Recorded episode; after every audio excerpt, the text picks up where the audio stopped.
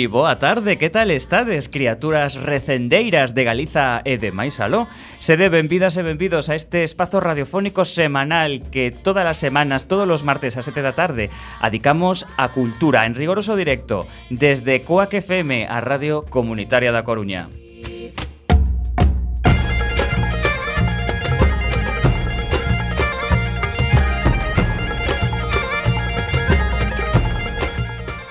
A Agrupación Cultural Alexandre Bóveda presenta este programa que podedes escoitar en directo a través da internet na páxina da emisora cuacfm.org barra directo e tamén na aplicación móvil.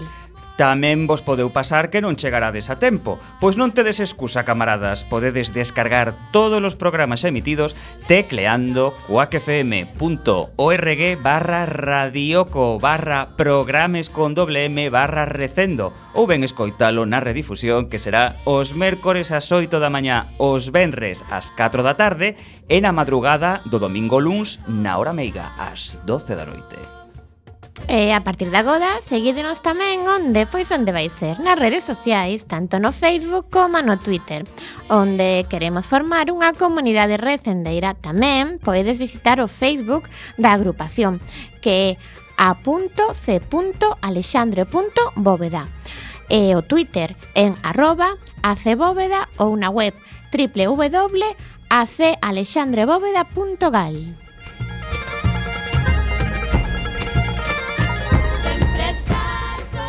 E xa sen máis imos caralón a procura desta sempre fantástica aventura cultural co recendeiro maior Roberto Catoira no control técnico e falándolles coa alma inteira temos a Gema Millán na locución. E tamén a Manu Castiñeira.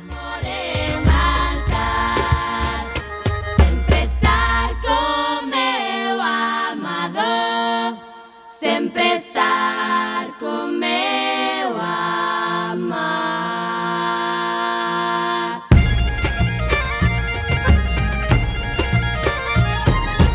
Programa número 294. O programa de hoxe é un especial telefónico variado sobre Sindicato Labrego, a Asociación de Produtores de Aceite e Aceituna de Galicia e a Universidade Rural Galega. De modo que excepcionalmente non teremos ningunha sección agas a de poesía galega a cargo da nosa compañeira Gema e falaremos das actividades da nosa agrupación e das outras actividades que se fan, eh, cousas que se fan na Coruña e na Galiza e que tamén son cultura E a música de hoxe, xa que algunhas das entrevistas de hoxe tratan sobre a vida no rural, imos escoitar cancións do primeiro disco do grupo Sacha na Horta, titulados Temos moito por sachar, editado en 2010. Presentamos a primeira peza de hoxe, titulada Barbeito por Dereito.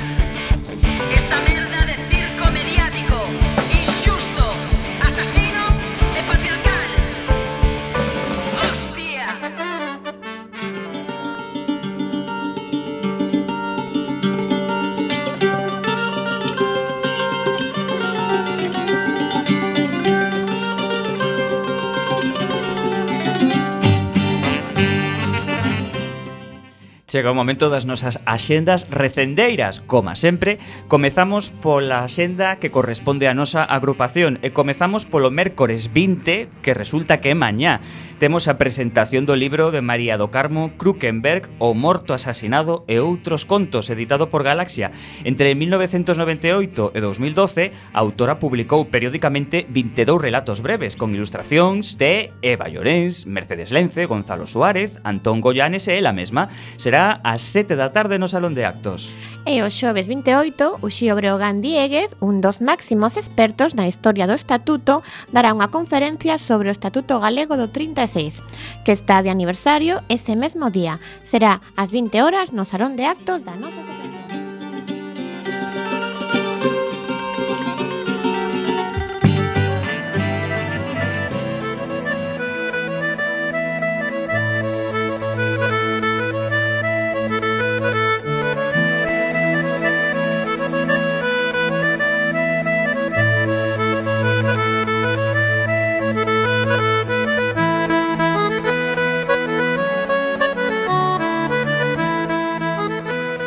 imos expandíndonos de pouco a pouco cada vez máis e así é que chegamos á xenda local, a xenda para a Vila da Coruña.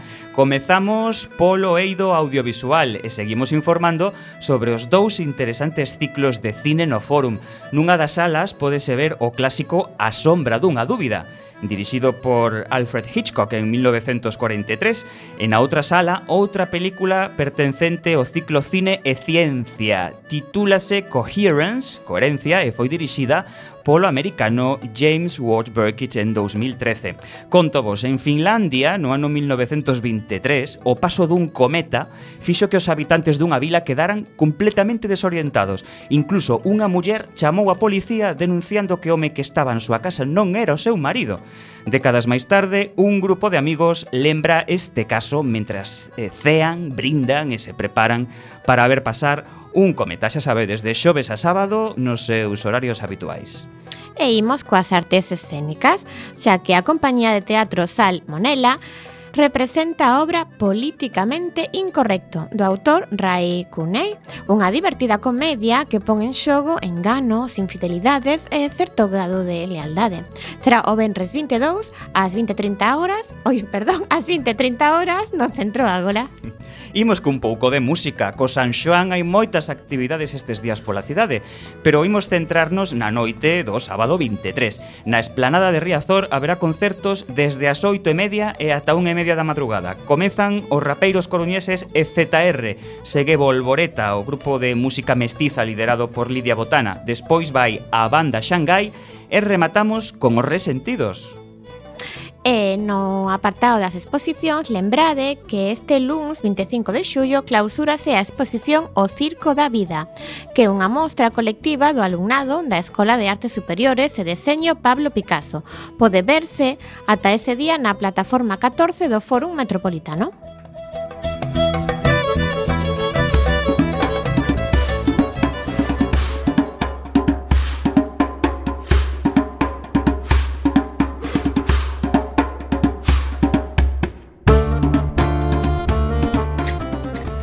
Todo isto está moi ben, pero como somos tan insaciables, queremos aínda máis e chegamos, por tanto, á xenda para a terra galega. Comezamos con Lugo. Informámosvos da existencia da serie de excursións Terras de Auga e Cultura que engloba visitas temáticas de promoción turística para dar a coñecer a riqueza natural, arquitectónica e cultural que conserva o municipio, principalmente as parroquias da zona rural. Estas rutas de carácter gratuito desenvolvense de 10 e media a 7 de abril a outubro. O resto do ano teñen outros horarios. E teñen como punto de saída e de regreso a parada do bus urbano situada diante do Seminario Maior, na rúa Anxo López Pérez. A inscripción realízase na Oficina Municipal de Turismo na Praza do Campo ata as 2 da tarde do día anterior á excursión. E imos agora a Ourense. O Belén de Baltar segue estando de exposición. Componse dunhas 2.000 pezas feitas en barro cocido, ademais de curiosas representacións religiosas, civis e militares. É destacable a presenza de elementos relacionados coa nosa etnografía, oleiros, adegas, fornos, cabaceiros, cruceiros, pontes, palleiros e pombais, así como a contemplación dos labores do campo, e de xogos populares como a chave, as antiguas profesións ambulantes, como a do retratista, o cego, cantador de coplas, etc. Por podedes visitala de balde no Espazo Expositivo Arturo Baltar, na Praza de San Cosmede, de luns a venres de, e de 12 a 14 horas. Pegamos un pequeno chimpo hacia a costa e chegamos a Pontevedra. Sube o palco é un proxecto para dar visibilidade ao talento xuvenil a vez que se recupera o uso dun espazo aparcado durante anos, o palco da música da Alameda. Música, teatro, danza, artes plásticas, audiovisuais, poesía, performance, moda Este xoves 21 é a quenda de Alquimia Art Studio, exposición colectiva de pintura, e da actuación en acústico de Elephants in the Room a partir das 8 e media.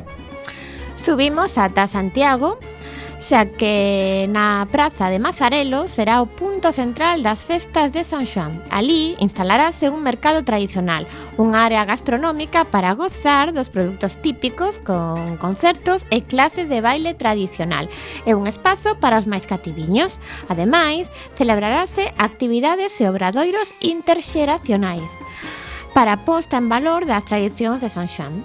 Na tarde na noite do 23, o tren turístico circulará de novo de balde para fomentar a mobilidade entre as cacharelas da cidade. Sairá ás horas en punto dende o CEGAC con varias paradas. O evento rematará na noite do domingo 24 cun obradoiro de elaboración de queimada, un concerto de música tradicional e, finalmente, un conxuro con degustación da queimada achegámonos de novo á costa e imos para baixo. Chegamos a Vigo Todos os ciclos do sistema educativo son benvidos aos programas escolares da Biblioteca Pública Municipal Xosé Neira Vilas.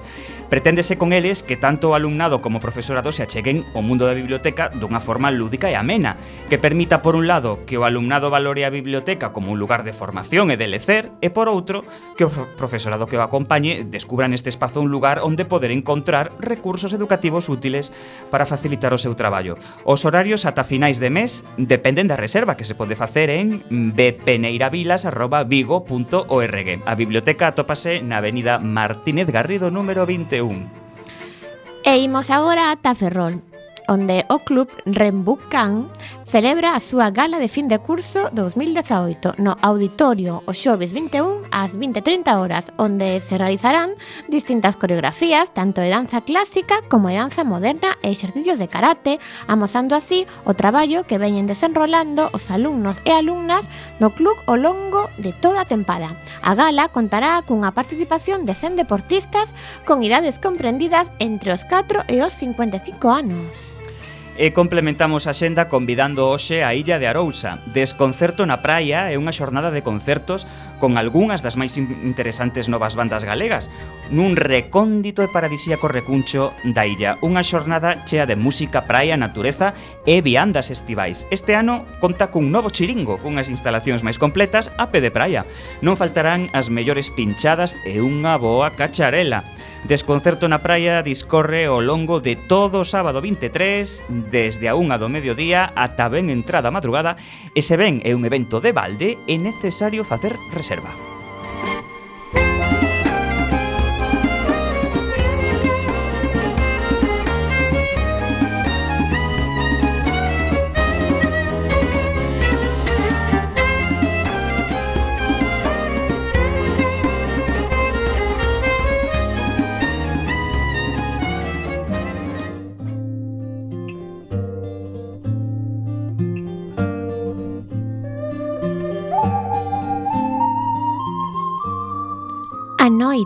Arrecendía a ervas e as rosas na velada.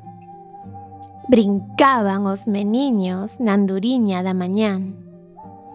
A pandereta de lonxe sen parar zoaba. Viña, viña vindo a noite de San Xoán. Medraba aquel lumeiro entre vellos mozos e moxenas dona del Eran as chamas co seu cantaruxar. De regadío era o cor, tiño a peito bon mirar. Lumieiro xa de onte, de hoxe e de mañán, Lumieiro que alumeas con luz de sin farol, A noite hoxe cega, día que se foi. Os lumieiros ten dono, tensan xa un sempre o seu día, O meu peito xa cegou. Sinte o meu cor sequía.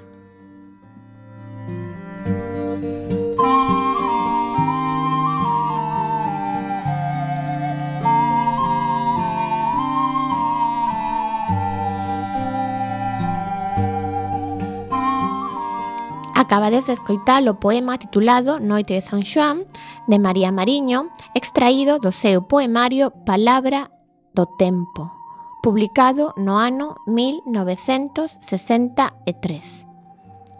María Mariño foi unha poeta de formación autodidacta que tivo a honra de ser homenaxeada co Día das Letras Galegas do ano 2007.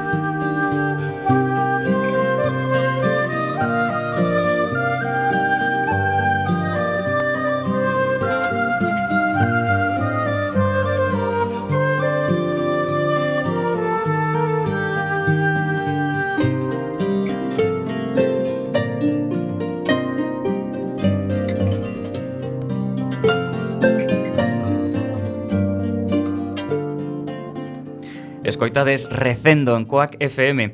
Estamos chegando ao final desta tempada. E hoxe presentamos o noso último especial deste curso. Tocaríanos facer un especial variado e alaimos. Centrámolo no mundo rural. Non temos moi claro que nos motivou para tomar esta decisión. Pode ser a chegada do verán, que para moitos de nós, cando éramos cativos, significaba voltar á aldea, verdad, Gema? Unha realidade da que non podíamos gozar durante o curso lectivo. Pois sí, pero máis aló da morriña da infancia ou doutros sentimentalismos, o certo é que Galicia segue a ser un territorio territorio principalmente rural. No rural, o imaginario colectivo atopa os principais referentes asociados á cultura galega. Sen rural non hai Galicia. E, por desgracia, o rural galego está a esmorecer por a perda de poboación, un, po un problema que, se non atallamos a tempo, podría significar a nosa desaparición como a pobo. Para coñecer cales son as oportunidades e a situación do rural galego, temos tres convidados de excepción. Hoxe falaremos co Sindicato Labrego, coa Asociación de Produtores de Aceite e Aceituna de Galiza e coa Universidade Rural Galega. Comenzamos. E comezamos eh, presentando a Sindicato Labrego, no? que é o noso primeiro convidado de hoxe. Son unha voz autorizada para coñecer de primeira man a realidade da poboación rural formada por agricultores e gandeiros. O Sindicato Labrego presenta un proxecto para acadar unha agricultura e gandeiría respectuosas co medio ambiente, a vez que fornece uns réditos mínimos que garantan vivir con dignidade do traballo da produción agraria. Para garantir isto buscan unha descentralización da política agraria, así como unha aposta pola calidade e pola variedade de cultivos que o noso país é capaz de producir. O sindicato labrego quere facer fincapé en que é necesaria unha aposta forte polo sector agrogandeiro para garantir o futuro do medio rural en Galicia. Para aclararnos todas as nosas dúbidas sobre o sindicato labrego galego, temos hoxe en recendo a súa presidenta Isabel eh, Villal, Villalta, eh, verdad? Eh, moi boas tardes. Villalba. Villalba, Villalba, perdoa. Moi boas tardes, Isabel. Moi boa tarde. Bueno, contanos, canta xente forma parte agora mesmo do sindicato labrego? Bueno, pois nós de maneira habitual eh, traballamos, bueno, un pouco traballamos con persoas en xeral que viven no medio rural, eh, bueno, e en moitos dos, das actividades que facemos, eh, os servizos e por aí, pois ofertámoslos en xeral a persoas do mundo rural, non? Pero bueno, co, así como un pouco corpo sólido, así máis eh, con continuidade e un compromiso mesmo económico de sostemento da organización, eh, pois neste momento son máis de 5.000 granxas, granxas e nesas granxas pois hai máis de eh, bueno, máis eh, moitas ocasións son granxas nos que non hai só unha persona, pode haber dúas ou tres persoas entón estamos falando que directamente hai un corpo grande de, de persoas comprometidas pois co, co proxecto Uh -huh. eh, eh, falando ainda de cifras, eh, sabemos aproximadamente canta xente eh, vive en Galicia do cultivo da terra e, e da gandeiría? Bueno, pois é unha cifra que non é moi fácil sabelo dunha maneira fiable, mm. non? Porque, primeiro, eh, é bastante fácil coñecer os, da, os datos dos censos gandeiros, basicamente polas campañas de saneamento, se que a maioría dos, dos censos gandeiros ou das eh, granxas de, do tipo de gando que sexa, pois están censadas e, e ben visibilizadas, non? Pero toda a parte, eh, pois moitas veces agrícola, eh, non digamos xa toda a parte de autoconsumo que fai moita xente, que nós destacámoslo como partes importantes tamén, porque xestionan o territorio, porque son eh, producen moitas veces, a nosa maioría eh, pois frutos de enorme calidade e ademais moitas veces son un complemento moi interesante ou ben de renda eh, ou bueno, unha, unha achega de alimentos fundamentales ás familias, pois está totalmente invisibilizado, non? Entón, bueno, pois eh, creo que somos eh, miles e miles de persoas que dunha maneira maneira ou doutra obtemos eh, froitos, obtemos cultivos, eh, ou é o noso medio fundamental de vida, eh, pois a produción en base á terra. Ben, eh, eh hai mm, cada vez máis, por ser optimistas, cada vez máis xente de, que se dedica a estas actividades ou a tendencia é a contraria? Como ves? Non, en realidad é cada vez menos. Cada vez menos, non? Eh? Ainda que é certo que hai persoas mozas que se claro. que ven unha oportunidade pois, eh, pois de xenerarse pois, un autoemprego ou este tipo de cuestións pois é moito máis a saída de activos e despois temos un, bueno, pois un, un componente moi embellecido no que as persoas que vivimos no rural. Eh, entón, eh, é un esmorecemento continuo. Non hai unha taxa de relevo nin siquiera equilibrada, xa non positiva. Moi boa tarde, Isabel, encantada de falar contigo. Hola, moi boa tarde, igualmente. Mira, queremos saber, sobre todo, eh, cales son os problemas máis común que teñen os vosos socios e as vosas socias? Bueno, pois hai unha cantidade, bueno, importante de problemas, eh, tamén de vantaxas, non? Pois moita xente eliximos como vivir no rural porque realmente é o lugar no que queremos vivir, non?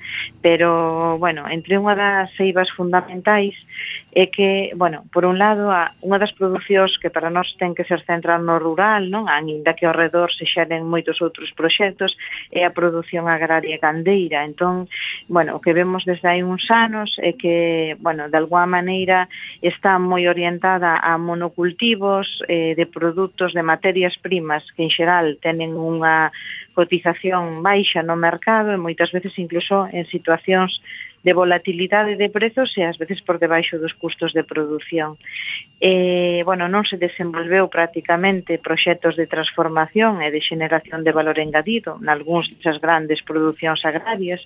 De feito, somos grandes importadores de, eh, por exemplo, produtos de carne transformadas ou incluso, bueno, pues hasta de derivados do leite e xa non digamos todo o enorme potencial que podemos ter en cantidade de producións porque, bueno, a posibilidade é inmensa. Vivimos nunha zona eh, do planeta Terra absolutamente privilexiada por clima e eh, pola nosa situación, co cal eh, as, o potencial é enorme, non? En, en froitas, en hortalizas, en, en bueno, nunha inmensa gama de produtos que prácticamente de maneira anecdótica hai algúns proxectos neles e moitos deses proxectos incluso feitos contra vento e marea, non porque haxa, bueno, pois unha liña clara de aposta por eles, de apoio, de formación, de de canles articuladas, non? Moitas veces son casi eh, proxectos de, de xente eh, verdadeiramente valente que pon en marcha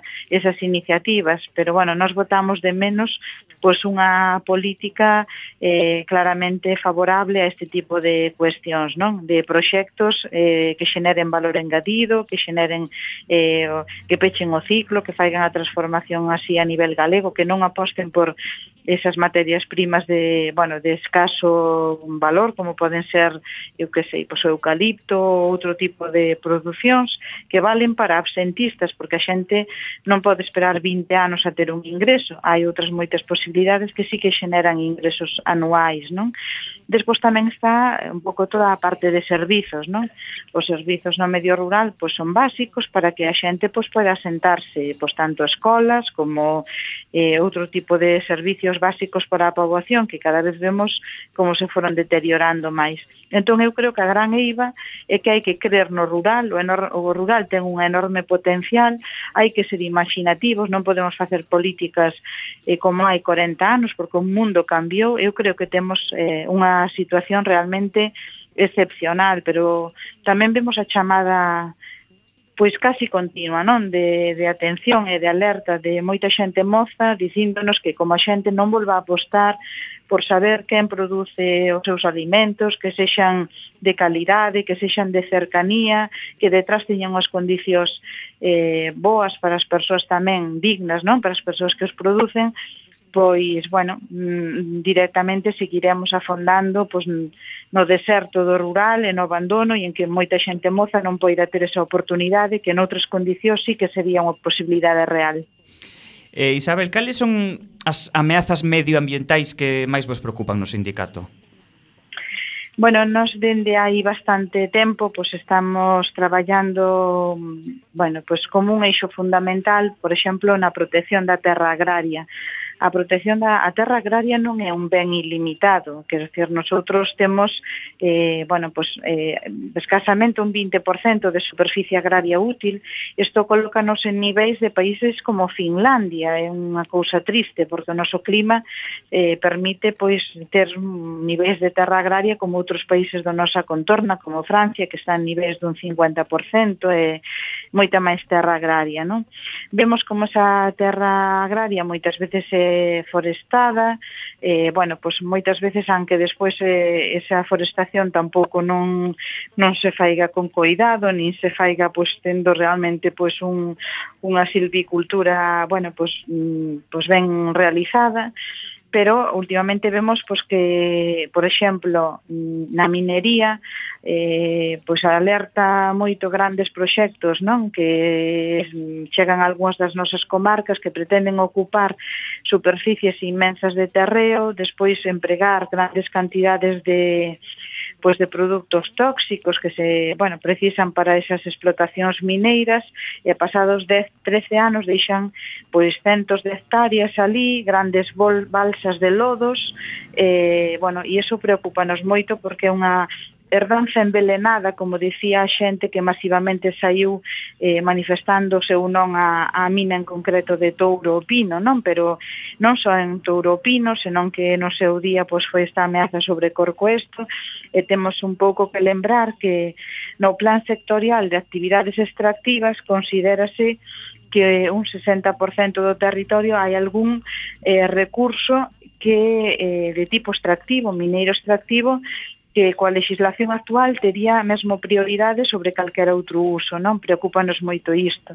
Preocúpanos a perda de biodiversidade que significa, por exemplo, un monocultivo como eucalipto frente a unha paisaxe con, bueno, pois con que realmente sexa un bosque, non? Diverso, con con unha riqueza tamén de sotobosque, coa súa eh, variedade pois, de coníferos e moitas outras árbores, que tamén, a parte de valores ambientais, eh, por certo, con, con actividades ambientais tamén se poden xenerar postos de traballo e alternativas económicas, que eso tamén é, son formas de economía, non? e non, bueno, pois monocultivos que extraigan toda a auga e todos os, bueno, os nutrientes do chan e aí queden pois grandes desertos en poucos anos, non? Preocúpanos os residuos urbanos, porque aínda que pareza que non é unha cuestión que, bueno, pois eh, bueno, porque falades vos Sindicato Labrego Galego dos Residuos Urbanos. Bueno, pois vemos como hai eh, grandes proxectos que intentan levar ao rural pois depósitos in, inmensos para eses residuos. E mesmo vemos con preocupación pois un pouco a desidia con que a Xunta de Galicia, por exemplo, trata o tema eh, dos lodos de depuradora como fertilizantes eh, para, bueno, para as terras, porque, bueno, eses lodos de depuradoras moitas veces tenen metais pesados, eh, tenen produtos tóxicos e non consideramos que é moi deficiente o programa de seguimento de, de aplicación deses lodos. E non só é sobre a terra, é sobre a terra e sobre a auga, por exemplo.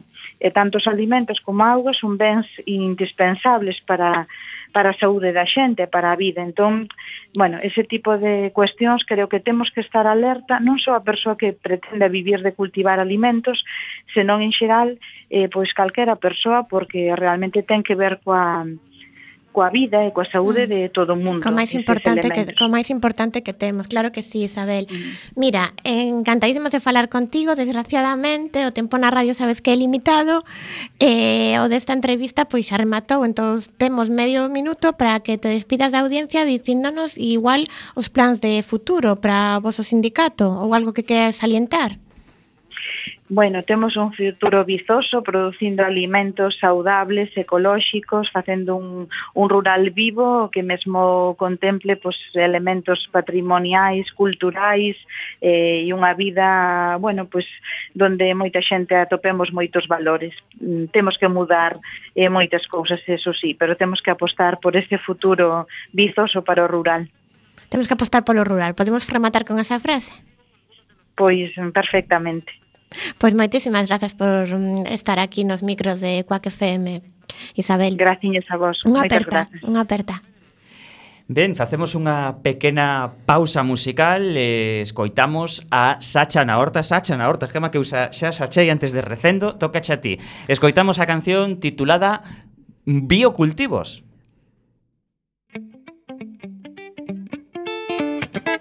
Unha porta, outro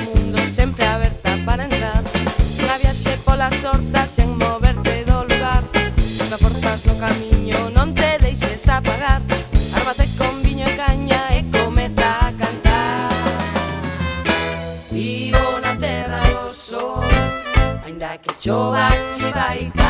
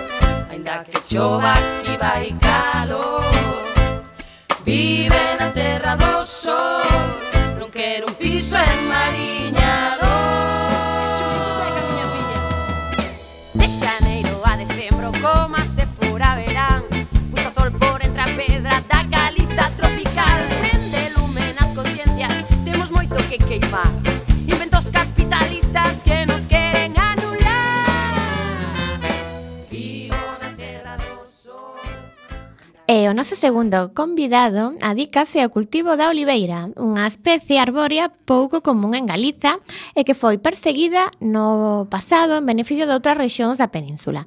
Aínda así, o noso país, no noso país continúan existindo pequenas empresas e particulares que se adican á oliecultura. Moitos deles forman parte da Asociación de Productores de Aceite e Aceituna de Galicia.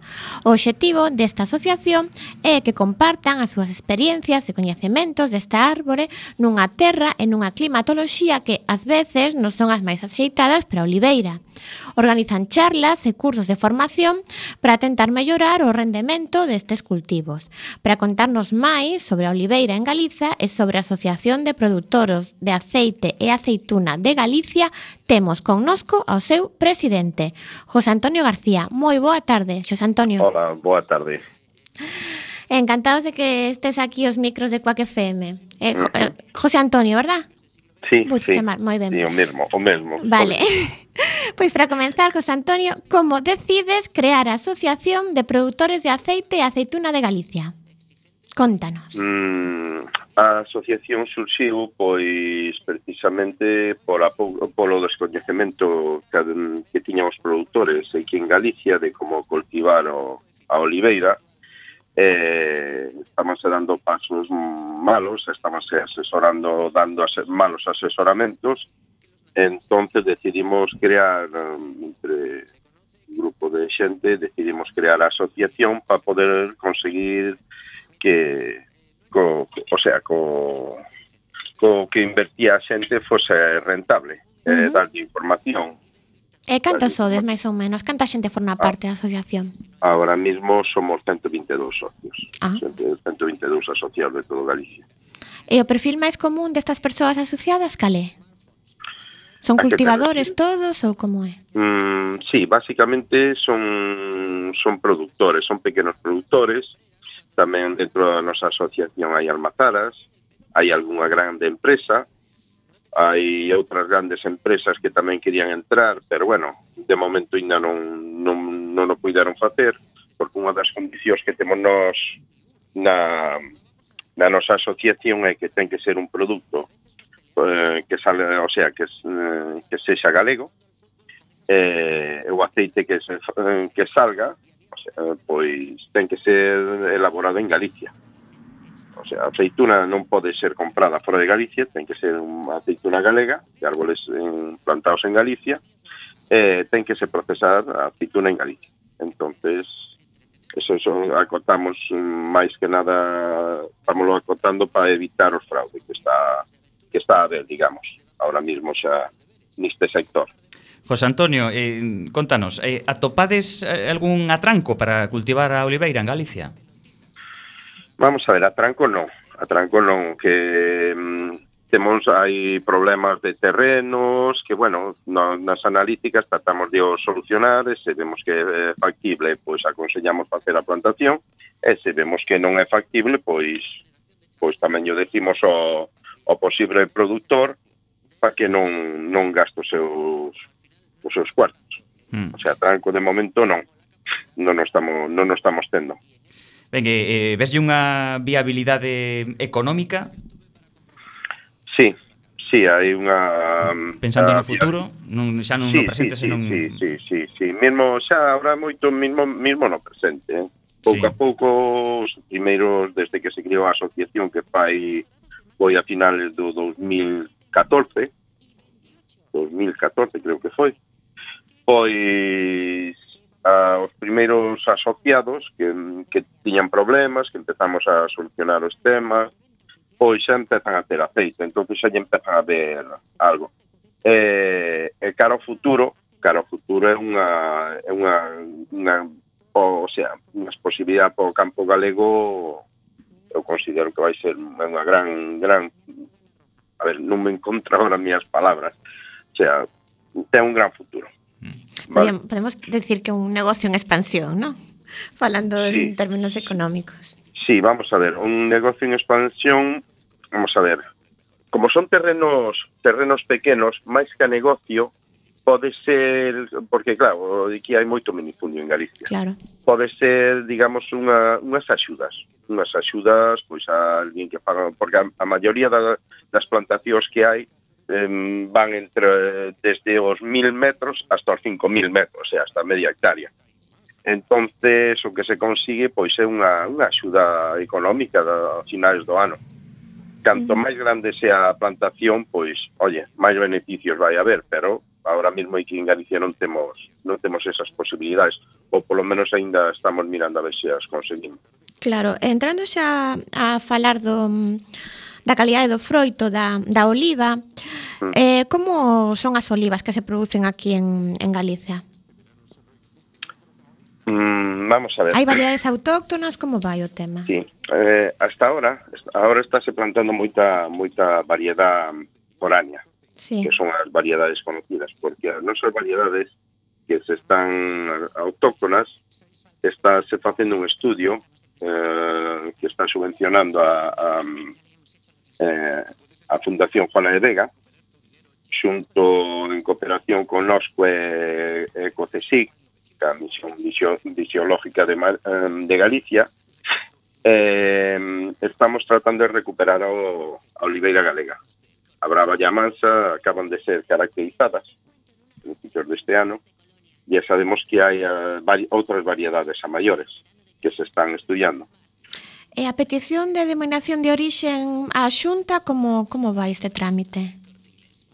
Mm, bueno, ahora mismo ese trámite temos un pouquiño parado, temos un pouco parado porque estamos pendientes que os primeiros pasos non nos demos, que é registrar as fincas. Uh -huh. Porque ahora mismo non hai non hai un non hai ningún registro a nivel galego, xa non digo máis, que diga que en Galicia hai óleo hai moitos olivos plantados, por exemplo, dentro da asociación hai 130 hectáreas, e, e calculamos que pode ser un 40% do total que pode haber en Galicia, menos. E, e sin embargo non hai registro nin hai de, de que hai oliveiras plantadas o primeiro que temos que empezar nos é a registrar as fincas, unha vez que tiñamos registradas entonces, sí que podemos empezar a traballar sobre unha IGP ou unha DOP, porque non podemos empezar a traballar sobre algo que realmente non hai constancia de que existe, porque nunca podan, vamos poder defender. Eso por un lado. E por outro lado, temos que empezar a, a sacar o que é o olivo autóctono, a brava mansa, empezar a producir a que hasta ahora non se están producindo, para poderlas plantar para, de, para decir que temos un olivo único no mundo, o sea, que está producindo aceite. E que hai nas zonas de Lugo, que xa levanos, o sea, que son plantas que quedaron aí centenarias de sempre que se está producindo, pero no resto de Galicia non se está non, non temos olivo os olivos autóctonos plantados bueno, nos José Antonio estamos imaginando en probar ese aceite totalmente galego. Eh, notaríamos eh, algunha diferencia moi marcada con respecto a aceites de fora? Vamos a ver, sí, sí, sí. O a ver se vos podo facer un xa me daré de, a dirección e para vos chegar un aceite de, de, oli, de, de olivo autóctono. Coa que Pero, na Rúa Lisboa da Coruña. si logo entonces xa tomo nota, de verdad, de verdad que sí. Eh, mm, a ver, explícoche. O aceite que estamos sacando agora, ainda que son de, de oliveiras foráneas, eh, estamos usando as foráneas pois, porque son as que agora mismo mmm, teñen hai uns estudios Da oliveira galega non se fixo ningún estudio. Como non había ningún estudio, non sabemos a cantidad de aceite que dá, etc. etc. Bueno, o, sol, uh, o aceite que sacamos eh, na maioría da asociación que son de, de olivos foráneos, tipo arbequina, picual, cobranzosa, é un aceite que nós estamos queremos sacar un aceite premium, o sea, de máxima calidad, porque nós recollemos o aceite, a aceituna, millor dito, unha a unha, a ordeño, non queremos que toque o suelo para nada, collémola casi verde, eh, o sea, estamos eh, collendo para ter a máxima calidad mm. eh, e ser un eh, máis o aceite que se analizou eh, é eh, aceite de, de, de vamos, de, de primeirísima mm, é un aceite premium, sí. é un, un aceite de concurso, basicamente. Bueno, pois eh, mira que o sentimos porque nos interesa moito o tema, pero temos que ir xa rematando esta entrevista a José Antonio, pero se noutra ocasión eh, falamos máis polo miúdo deste tema tan interesante. Moitas grazas por atendernos, José Antonio. Veña, pois veña a vos. Moitas gracias a vos. Moitas gracias, Ata unha aperta. Pero tendes que me dar unha dirección. Sí, agora agora xa, da, xa damos a micrófono pechado. Moitas grazas. Veña, moitas gracias. Bueno, eh, eh, facemos outra pequena, pequena pausa musical. Eh, nos seguimos con Sacha na Horta, aquí sachamos en descanso. Por suposto, a canción... pero a ver, que todos os nosa audiencia recendeira sepas que Quack FM está na Rúa Lisboa da Coruña. Exactamente, sí, sí. Non no nos acochamos para ninguén. Ben, imos logo con Sacha na Horta A canción nesta ocasión leva por título Que terá o licor café? E que terá?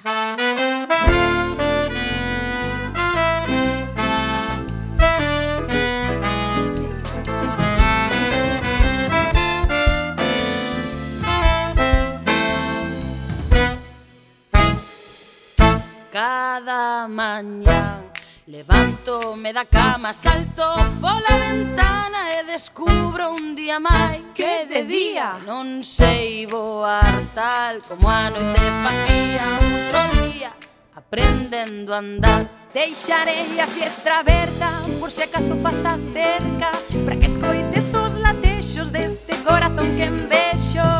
Porque nel suspiros de papel sempre estás non coman nas miñas mans.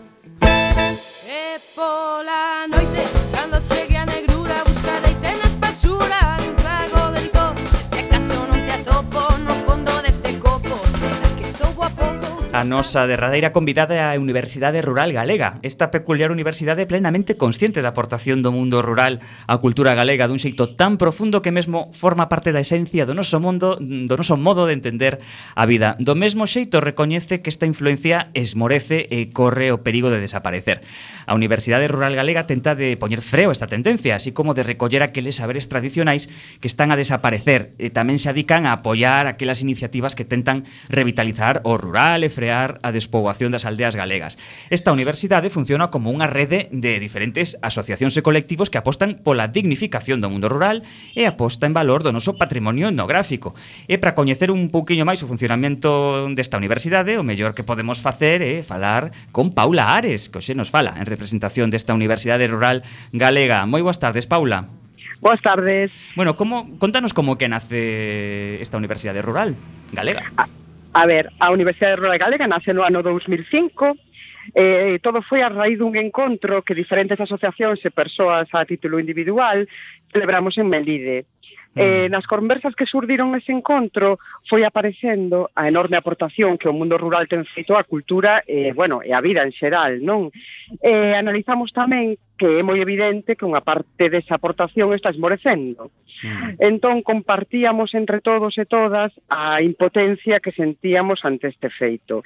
E decidimos crear a Universidade Rural Galega. Cando le o nome, que soy moi curioso, dixemos que o valor do noso tiña que empezar co nome da nosa aso asociación, Educación. Por iso lle dimos o nome de Universidade Rural para darlle aos nosos saberes pois a categoría que se merecen, non? Sí, sí, sí, sí. Moi interesante. Sí. Pois sí, e cale, bueno, antes de nada, encantada de falar contigo tamén. Paula, moi boa tarde. Boa tarde. Queremos saber cale o vosso principal obxectivo. A ver, eh, o noso principal eh, obxectivo é facer frente eh, pois a baixa autoestima e o desánimo que asola o mundo rural eh, de alguna maneira reflexar a enorme riqueza de persoas e de experiencias pois que están dando vida ao mundo rural, coa seguridade de que ese reflexo pois vai a servir un pouco pois como de, de viveiro, de novos ánimos e de proxectos. Ese é un pouco resumen non do nosos, dos nosos objetivos. E, por exemplo, como atopades os vosos informadores? Pois mira, os informadores e as informadoras eh, a verdade é que non as atopamos, como que van surdindo, non? Porque eh, entre que as persoas e asociacións que, que fundaron a Universidade Rural Galega xa son moitas, eh, entre todas elas e eles pois xa nos iban dicindo oye, pois no meu pueblo está esta persona ou no meu pueblo hai este proxecto ou eh, xente que nos chama xente que vas falando e é como, como unha cadena non entón a verdade é que é algo que xa nin necesitamos buscar non que xa nos de alguna maneira nos vai chegando, non? E cal é a reacción da xente cando lle preguntades pois, por oficios ou saberes que están a esmorecer? Pois mira, aquí un pouco é como unha variedade, non? Están, están como reacciona a xente maior e como reacciona a xente nova que se dedica a oficios tradicionais. Os maiores, moitos, pois como que non se creen que haxe alguén interesado no que saben. E aí é onde se ve a necesidade de dignificar o noso, non? E agradecéndolles a toda a aportación que fan a nosa cultura, amosando e transmitindo to todo o que saben, non? eh, porque cando te chegas a xente que sabe de oficios tradicionais eh, te empezan a contar e hai casas que eran verdadeiros polígonos industriais, non? Donde atopabas todos os oficios. O abuelo que era cesteiro, a abuela que era fiadora, o fillo lousador, o outro fillo ferreiro, fillas que eran eh, verdadeiras enxeneiras agrícolas. Eh, entón a súa reacción da xente maior sempre como un pouco de sorpresa, non? De que te, de que te intereses polo seu. A xente nova xa é, teñen outra, outro xeito, non? De, de, de, de demostrar como que, que reivindican o valor do que aprender deron e exixen como un valor social polo seu traballo de, de recuperación e conservación da nosa cultura. Entón hai como unha como dúas maneiras de reaccionar, non? dependendo do sector de población que pertenzan, son maiores ou se si son novos. Eh, Paula, na túa opinión, cales son os elementos da cultura que corren maior perigo de desaparecer? Eh, pois, a ver, eh, evidentemente non podo deixar de, nome, de nomear, aínda que sería unha, unha lectura moi amplia, a nosa lingua Esa, eso é o primeiro, non, que hai que nomear. Eh, e despois, bueno, en xeral, eh, moitos oficios que, que se están perdendo porque se están perdendo tamén as utilidades, non? Pois, pois sei, os testeiros, xa os cestos non se usaban, non se usan como se usaban. Pois o cesto de sementar xa non se usa porque hoxe se sementa cun capacho de plástico. Eh, pois mira, a xente que teita as pallozas, por exemplo, e os campaneiros, eh, é dicir, hai moitísimos oficios que, que, que están desaparecendo, pero sobre todo por eso, por a falta de utilidade que, que, que, que, que antiguamente tiñan eses oficios. Hoxe en día a xente nova lle dá pois, un xiro a esas utilidades e, e intentan pois, generar eh, eh, outro uso non de, dese, de dese tipo de elementos que salen deses oficios. Mm. Pero bueno, se podería nomear moitísimos, claro moitísimos. Que sí. Eh, sei que uh -huh. confe confeccionades uns censos, eh, é así? Como, como sí, funciona? Sí, sí, sí. Como funciona Elaboramos, este tema? mira, tres tipos de censos. Un é o que lle chamamos de sabedores e sabedoras da nosa cultura, que toda a xente que sabe de oficios tradicionais. Logo hai outro censo que é de conservadoras e recuperadoras todas da nosa cultura, toda tipo de persoas ou grupos ou asociacións que se dedican a conservar e a recuperar a nosa cultura. E logo está o terceiro censo, que é eh, últimamente o que estamos facendo máis fincapé, que é o censo de proxectos de, de dinamización, proxectos de desenvolvemento, é dicir, xente que traballa e vive no rural.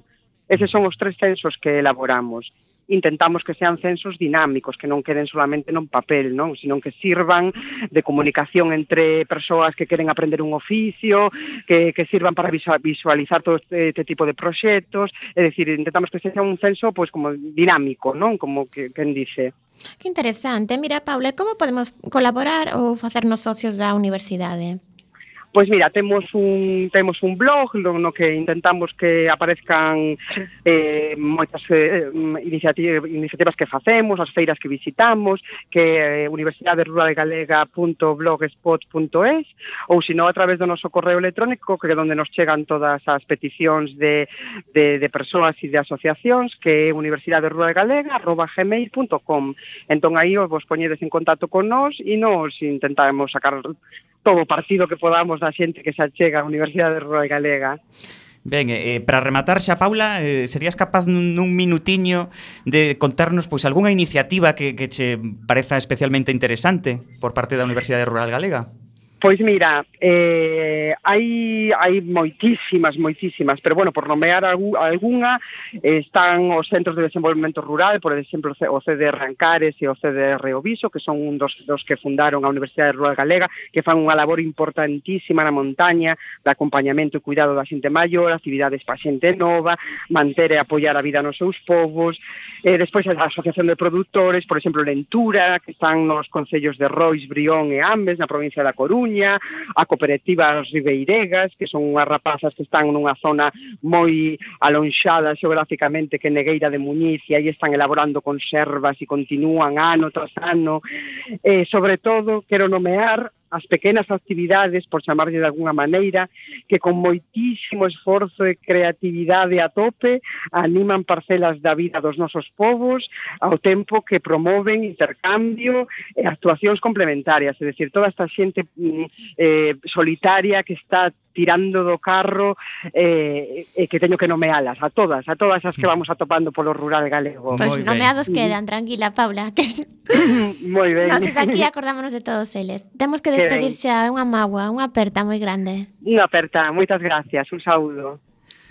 Ben, quedamos en tempo para máis. Chegamos a fin do camiño deste recendo. Despedimos a emisión de hoxe agradecendo os nosos convidados Que, como sempre dicimos, son de honra. Tivemos a Isabel Villalba do Sindicato Labrego José Antonio García da Asociación de Produtores de Aceite e Aceituna de Galicia. Acabamos de falar con Paula Ares da Universidade Rural Galega. E agradecendo a semente e pedra angular de todo o noso comando e equipa de producción formado por Javier Pareira, Manu Castiñeira e Roberto Catoira. E aquí estivemos Roberto Catoira nos controis e co alento no micrófono Manuel Castiñeira E Gema Millán. acompañándote deste recendo de palabras e de imaxes radiofónicas que nos traen este aroma cantado na nosa lingua e que nos permite, hoxe e tamén no futuro, a permanencia da palabra, da música e da implicación e compromiso coa nosa nación, a Galiza. Ate o vindeiro martes, que xa será o derradeiro da tempada, oh, a sete da tarde, en directo nesta emisora Cuac FM da Coruña. Xa sabedes, recendo as mil primaveras que terá o noso idioma.